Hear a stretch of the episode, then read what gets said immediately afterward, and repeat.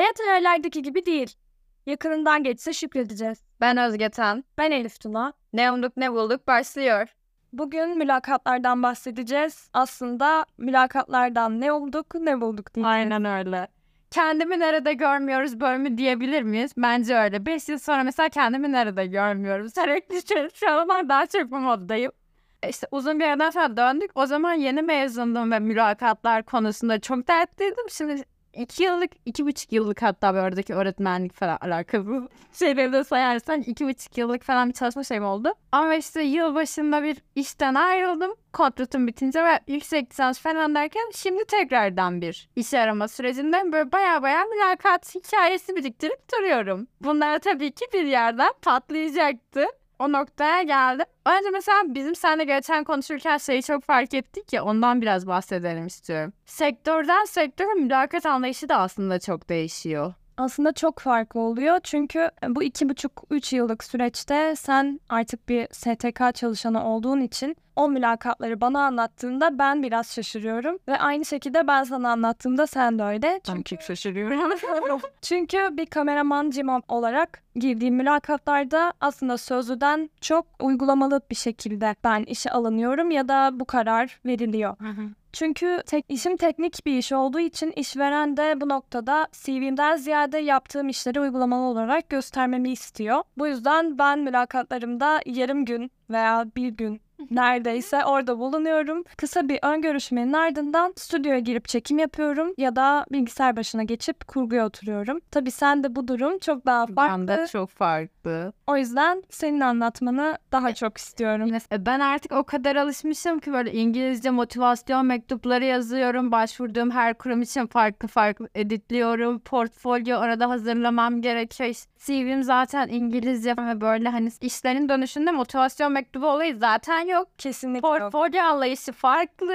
CV'lerimiz bile farklı duruyor. Ben birkaç sayfalık CV'mi ve de yaklaşık 20 sayfalık bir portfolyo ile gidiyorum. Ama tabii ki oradaki linkler, video kayıtları, yaptığım çekimler, kurgular bir anlam ifade etmiyor. Çünkü geç, otur, şu anda ne yapabiliyorsun diye böyle bir deneme sürecine giriyorum direkt. Benim alanımda CV'nin çok bir önemi olmuyor. Tamamıyla işe bakıyorlar. Üniversite sınavı gibi hani kaderini o an belirliyor ve biz mesela ikimiz de heyecanlı tipleriz ya ve o an heyecan yapabiliyoruz. Mesela benim son girdiğim STK'lardan birinde şöyle oldu. Senin dediğin gibi mülakattan sonra hani gel bize iş yap gibi bir deneme. Hani bir şey yazacaksın, birkaç post yazıyorsun, bir basın bülteni bilmem ne falan. Genelde böyle bu tarz şeyler zaten istiyorlar. STK'lar da yapıyor ama onlar genelde öneleme gibi uzaktan yapabiliyor. Onu yaptım ama mesela aşırı elim ayağıma dolaştı. Çünkü böyle 40-50 dakika bir süre var. Bilmediğim bir kurumsal marka yapmaya çalışıyorum. Sonra mesela aslında çok olmasını istediğim bir yer olmasına rağmen olmadı. Ve ben çok üzüldüm buna. Yani o da ben aslında onun çok üstü bir iş yapabilirim. Ama 40 dakikada hiç bilmediğim bir marka kılavuzuna göre iş çıkartmak o kadar kolay bir şey değil. Ve birkaç iş istiyorlar burada. Bir tek iş istemediler. Bu noktada yaklaşık bir ay önce girdiğim bir mülakat aklıma geldi. Aslında bir markanın basın bültenine yazmam benim açımdan editoryal alana geçmek biraz daha zor diyebilirim. Aslında kendi alanıma dönmek konusunda bir isteğim evet vardı. Ama o mülakatta gördüm ki aslında masa başında sabit bir iş ve basın bülteni yazmak gibi bir şey benim için çok daha cazip değilmiş. Onu anladım. Ben seni hiç hayal edemiyorum bu arada. Senin böyle Allah'ın bir emri olarak sürekli bir kamera başında sürekli bir sahada bir şeylerin içinde buluyoruz çünkü. Ben de onu anladım bir kez daha. Yani editoryal team'de anladım ki zaten yerimde bir türlü duramadım. yani bir basın bülteni yazmam gerekiyordu. Evet yazdım ama yarım gün yaklaşık oradaydım. Fark ettim ki hayır yani çok stabil bir iş ve benim kesinlikle kameraman, videografer olarak devam etmem gerekiyor. Çünkü ben bir tripod taşımadan bir kamera kurmadan yapamıyorum. Çok iyi anladım. Biz seninle geçen bunu da konuşuyorduk ya ben inatla hani biz beyaz yaka izliyorum ama sen tripod taşıdığın için kendini ameliyeye dair hissettiğin ve mavi yaka olduğunu iddia ettiğim böyle. Bu aslında şey arkadaşlarımız arasında da bunun çok muhabbeti yapılır. Ben gerçekten bir tık yani tabii ki bu işin goy goyu ama ben bir tık amelelik severim. Kendini mavi yaka olarak tanımlamanı hala aşamıyorum. Hani inatla beyaz yakayız biz beyaz yakayız falan diye bunu kabul etmeye çalışıyorum. Bana bakar mısın? Beni sanki işçi partisinden geldim. Hoş geldin. Şey tanımlamasına girdim. Neyse çok dağıttım. Şeye geri döneceğim. Ben şu an anlatmak istediğim bir mülakat maceram vardı. Ya benim son girdiğim mülakatlardan birinde yine global bir kurum ve böyle full İngilizce bir mülakat. Okey full İngilizce mülakat deneyimlerim oldu. Hani evet gerilince bir tık tekliyorum falan filan ama konuşuyorum. Bir girdim o odaya böyle dört erkek geldi. Benim açımdan bir red flag tamam mı? Onun içinden gerçekten mülakata girdiğim anda şey diyorum. Abi neden dört erkek beni karşıladınız? Hani ben global kuruma mı geldim? Kıraathaneye mi? Aa, Bu arada hiç öyle kıraathane vibe'ları yoktu. Hiç yoktu aşırı entelektüel zaten ikisi de Avrupalı falan oradan gelmişler. Çok tatlılardı vibe olarak. Şakalaşıyorlar. Ama ben bir kere taktım yani anladın mı yani şey olarak. Çünkü benim şimdi konuyu çok dağıtmıyorum ama daha önce bir yüksek lisans mülakatımda da böyle neredeyse full erkek bir tayfayla falan girdim ve bence mülakatın gidişini etkiliyor normalde. İşte mülakat geçti geçti bana sorular soruyorlar ben anlatmaya çalışıyorum. Artık böyle gerildikçe İngilizce level'ım biraz geriliyor tekliyorum falan böyle toplayamıyorum böyle şeyler oldu ama en son geldi klasik şey vardır ya sizin bize sormak istediğiniz bir şey var mı? Ve en sevdiğim kısım oluyor. Vallahi böyle şey bekliyor tabii hani maaş soracağım sigortası. Ben böyle direkt şey dedim. O odada neden hiç kadın yok dedim. Ona görmelisin herif böyle herkes bir birbirine baktı. Ve ortam az kesti. Oradan buz kesti çünkü soruyu ya, algılayamadılar muhtemelen ne diyor. Sen şey dedim. Diversity yani çeşitlilik hakkında ne düşünüyorsunuz dedim. Ve böyle şey oldu. Herkes bir aa yani direkt aa demediler. ya ya anladın yani. Öyle bir mimikler bir şeyler. Sana yemin ediyorum dördü de ayrı ayrı bana aslında işte kadın çalışanların çok eşit olduğunu globalde kurumda işte işte LGBT çalışanlarının olduğunu biri diyor ki işte ben zaten Avrupa'dan geldim. Hani Avrupa ofisinden gelmiş. Bütün arkadaşlarım buraya gelemez. Öbürü diyor ki bizim departmanda aslında şu kadar kadın var ama bugün ben geldim tesadüfen. Böyle tek tek açıkladılar. Hani bu arada bana bunun açıklamasını yapsınlar diye de sormadım. Kral hareket olsun diye de sormadım. ama sormazsam çatlayacaktım çünkü yani girdiğimden beri onu düşünüyordum. Ben sivil toplumda bir süredir içinde olduğum için hani sivil toplumda işlerin bunu çok gözeterek döndüğünü de aslında biliyorum. Öyle olması gerektiğini daha doğrusu. O yüzden böyle çok şaşırdığım bir şeydi ve sormazsam çatlardım ve sordum yani. Böyle, böyle bir şeydi. Bu da böyle bir anıydı. Ben aslında bunu senden daha önce dinlediğim için çok araya girmedim. Ama bu soruyu onlara yönelttiğini duyduğumda ben dedim ki harika ve bunu bu yerde bunu bir mülakatta kesinlikle yapmam gerekiyor. Ama tabii sonra gerçeklere dönelim. Kameraman kameraman olarak bizim sektörde bunun çok bir geçerliliğinin olacağını düşünmüyorum. Çünkü genel olarak yani çalıştığım kurumlarda kadın kameraman sayısı zaten az ve yani seninkine göre şey de olmadı. Hani mülakatlarımda da ben geçip kamera çekimimi yapıyorum ve şey olmuyor yani üç erkek işte tek başıma karşılıklı bir mülakat böyle bir ortamla karşılaşmadım henüz. Ama sektörün doğası gereği benim bu soruyu sormam biraz abes kaçacak. evet. Ben yapacağım, ben de yapacağım falan deyince bir o şey oldum sen yapmasan mı? Çok doğru. Eğer uyarmasaydım bilmiyorum. Ben o galiba bu müthiş hareket ve bunu kesinlikle yapmalıyım falan diye düşündüm. Ama tabii reale baktığımda benim için öyle bir şey çok söz konusu değil. Birilerinin ölmeden önce yapılacaklar listesine bence bunu sokmuş muyuzdur şu an? Bilmiyorum ama benimkine soktuk. Ben onu biliyorum. Bir de işte mesela toplumsal cinsiyet bence hani bu tarz şeylerde de çok etkiliyor. Yani çünkü o kurumda neden mesela Bunda varmış ve tesadüfen böyle denk gelmiş. Okey ikna oldum ama benim gözüme batıyor. Yani o kurum neden o kadar erkek erkek bir kurum? Anladın mı? Çünkü o arada dönen iletişim şeklini bile bence çok değiştiriyor çoğu yerde. Kesinlikle katılıyorum ve burada şunu eklemek istiyorum. Senin bu sorundan sonra karşıdaki kişilerin bunu açıklama gereği hissetmesi ve orada böyle bir nasıl desem yani orada bir onları sıkıştırman benim aşırı hoşuma gitti. Çünkü yani açıklama yapma ihtiyacı duymuşlar ve bayağı detaylı bir şekilde sana aslında bunun böyle olmadığını anlatmışlar.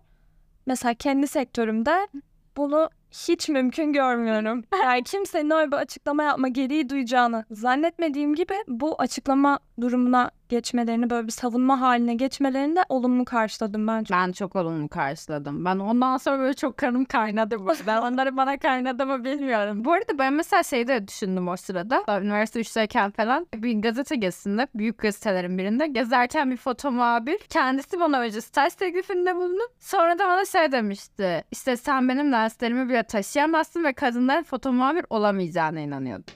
Ben bir elimi istemsizce masaya vurdum.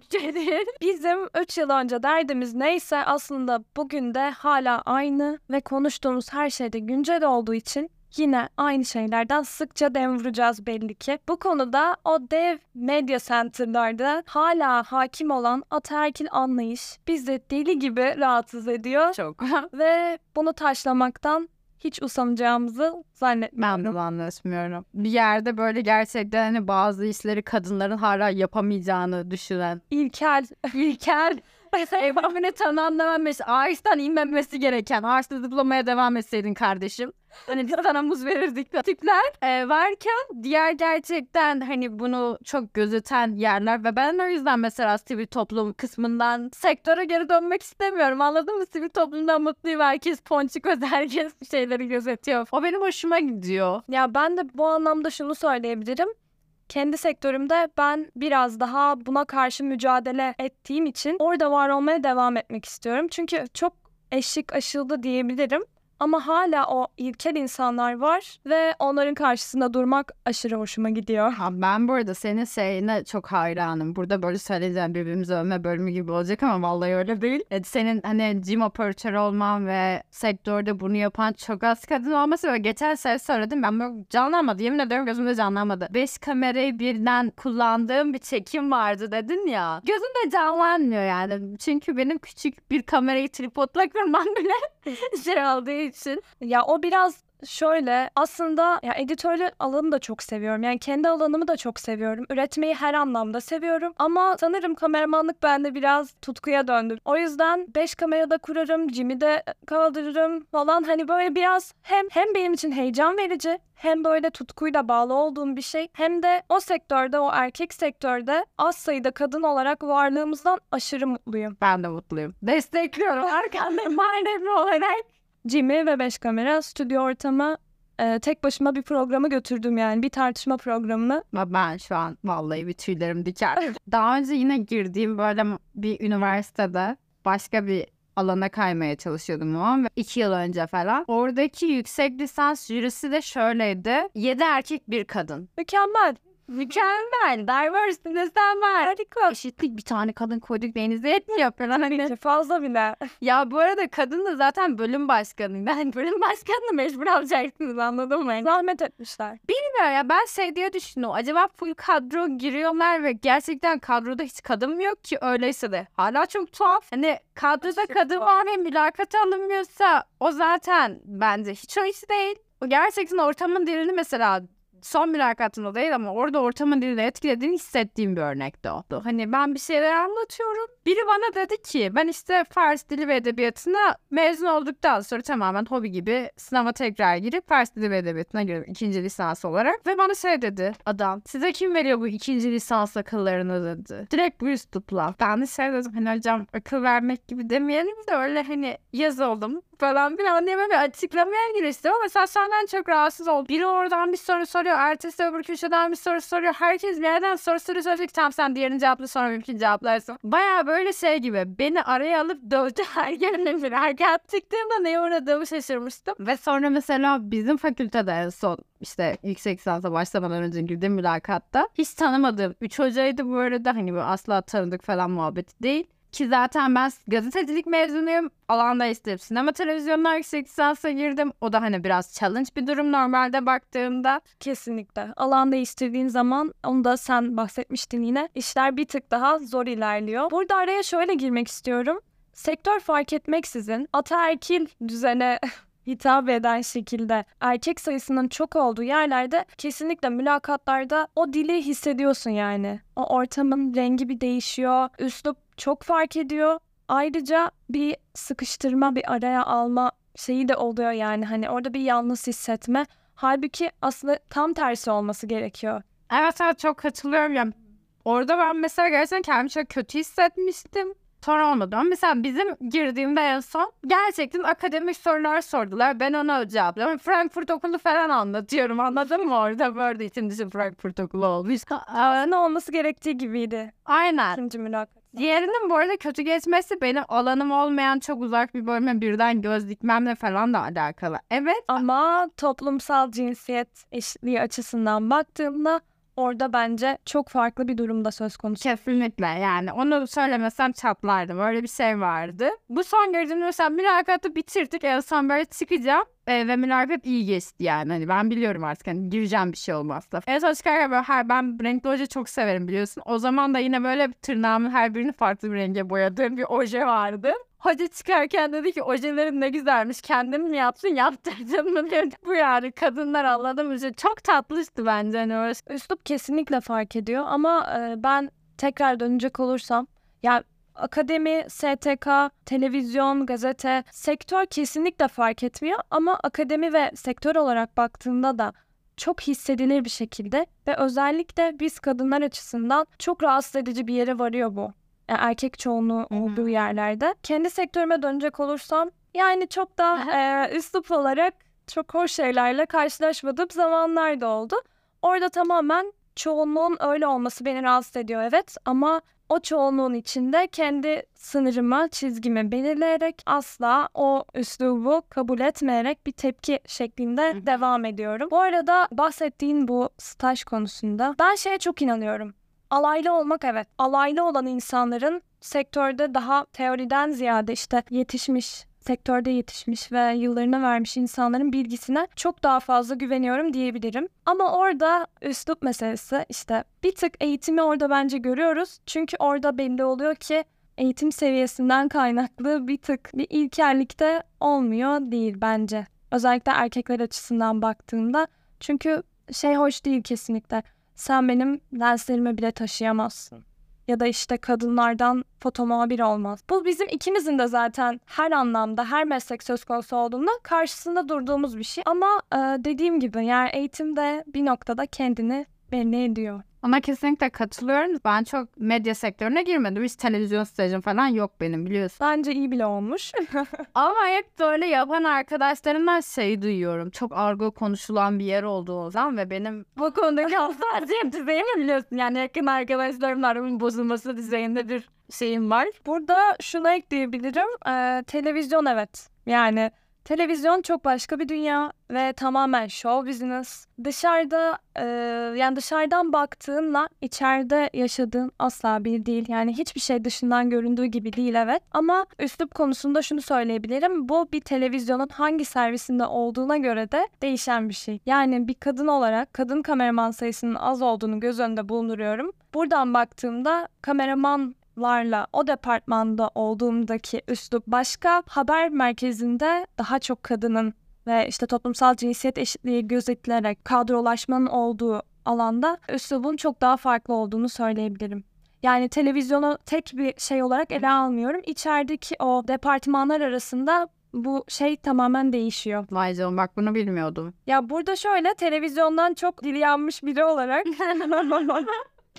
Travma anlattığımız hoş geldiniz. Şunu söyleyebilirim. Televizyonculuk çok hastalıklı bir iş bir yandan. Yani aşırı stresli ama hiç de vazgeçilmeyecek türden bir şey. Yani ben arada söylerim böyle. Televizyonla benim toksik bir ilişkim var televizyonculukta Evet. diye. Çünkü onun hazzı çok başka bir şey bence. Ama çok da insanı zehirliyor yani bir anlamda. Ay, vahşi güzel bölüm. Anlattığımı televizyonculuk macerası için teşekkürler Elif. Girdiğim bu arada son mülakatta yeni bir yerde yani şöyle yeni yayına başlamış yak- yaklaşık bir ay önce girdiğim bir mülakatta eskiden televizyonda yani çok bilinen bir televizyonda genel yayın yönetmeni olan biriyle görüştüm ve kendisinin bana sen gerçekten televizyoncuymuşsun eğer e, televizyonda olsaydım seni kesin alırdım demesi beni aşırı mutlu etti. Çünkü televizyonculukla olan o toksik ilişkim her ne kadar beni strese soksa da yani gurur duymadığıma söylesem yalan olur. Kendimle bir tık gurur duydum ve Orada oradaki mülakat da bu arada çok iyi geçti. Negatif hiçbir şey olmadığı gibi televizyonculuk konusunda aslında bir yarım kalmışlık hissediyorum. Ya bence o çok iyi. Hani sektöre senin bir şekilde bir yerden yakalıyor ve bir şeyin tutkuya dönüşüyor olması. Ben de mesela şeyi keşfettim. Üniversitedeyken fotoğraf kulübü falan çok fazla koşturuyordum. Sadece hevesim kıran çok fazla şey oldu. Son anlattığım olay dahil. Ve mesela ben asıl tutkumun yazmak olduğunu keşfettim ve biraz o tarafa doğru kaydım. Peki sen kendini nerede görmüyorsun? Ben son zamanlarda şunu çok net anladım ki ben kendimi bir plaza ortamında bir bilgisayarın başında çok rahat, konforlu, klimanın altında oturduğum bir işte kesinlikle görmüyorum. Sahada hareket halinde ve kamerayla olmam gerekiyor. Ben kameramanım ve buradan devam edeceğim gibi görünüyor. İletişim mezunuyuz. O televizyon, sinema, gazetecilik geçişlerinin çok keskin bir ayrımı olduğunu hiç zannetmiyorum. Ben de aynı fikirdeyim bu noktada. Aslında e, televizyonun bu anlamda çok geliştirdiğine de inanıyorum. Çünkü bu zamana kadar televizyonda çalıştığım süre boyunca yaptığım stajlar da tamamıyla televizyonda olduğu için şunu çok iyi anladım. Kendi haberimi seslendiriyordum, yazıyordum. Kameraman olduğum süreç boyunca zaten çekiyordum. Stüdyoda gerek gerek Jimmy'nin başında çekim yapıyordum. Aslında televizyon çok farklı bir alan bence bir gazeteye ya da bir dijital platforma göre ve çok fazla geliştirdiğine inanıyorum. Yani o emeği verdiğinde çok farklı bir şekilde dönüş aldığımı ben keşfettim. Bu bölüm mülakatı bahsettik. Birazcık spoiler vermek gerekirse böyle sonraki bölümde de işe girince her şey güzel oluyor mu kardeşim temalı birkaç bir şeyden bahsedeceğiz sonraki bölümlerde. Yani mülakatı geçtiniz ama işe girdikten sonra aslında işin iç, işin iç yüzü nasıl olacak? Biraz bunlardan söz edeceğiz.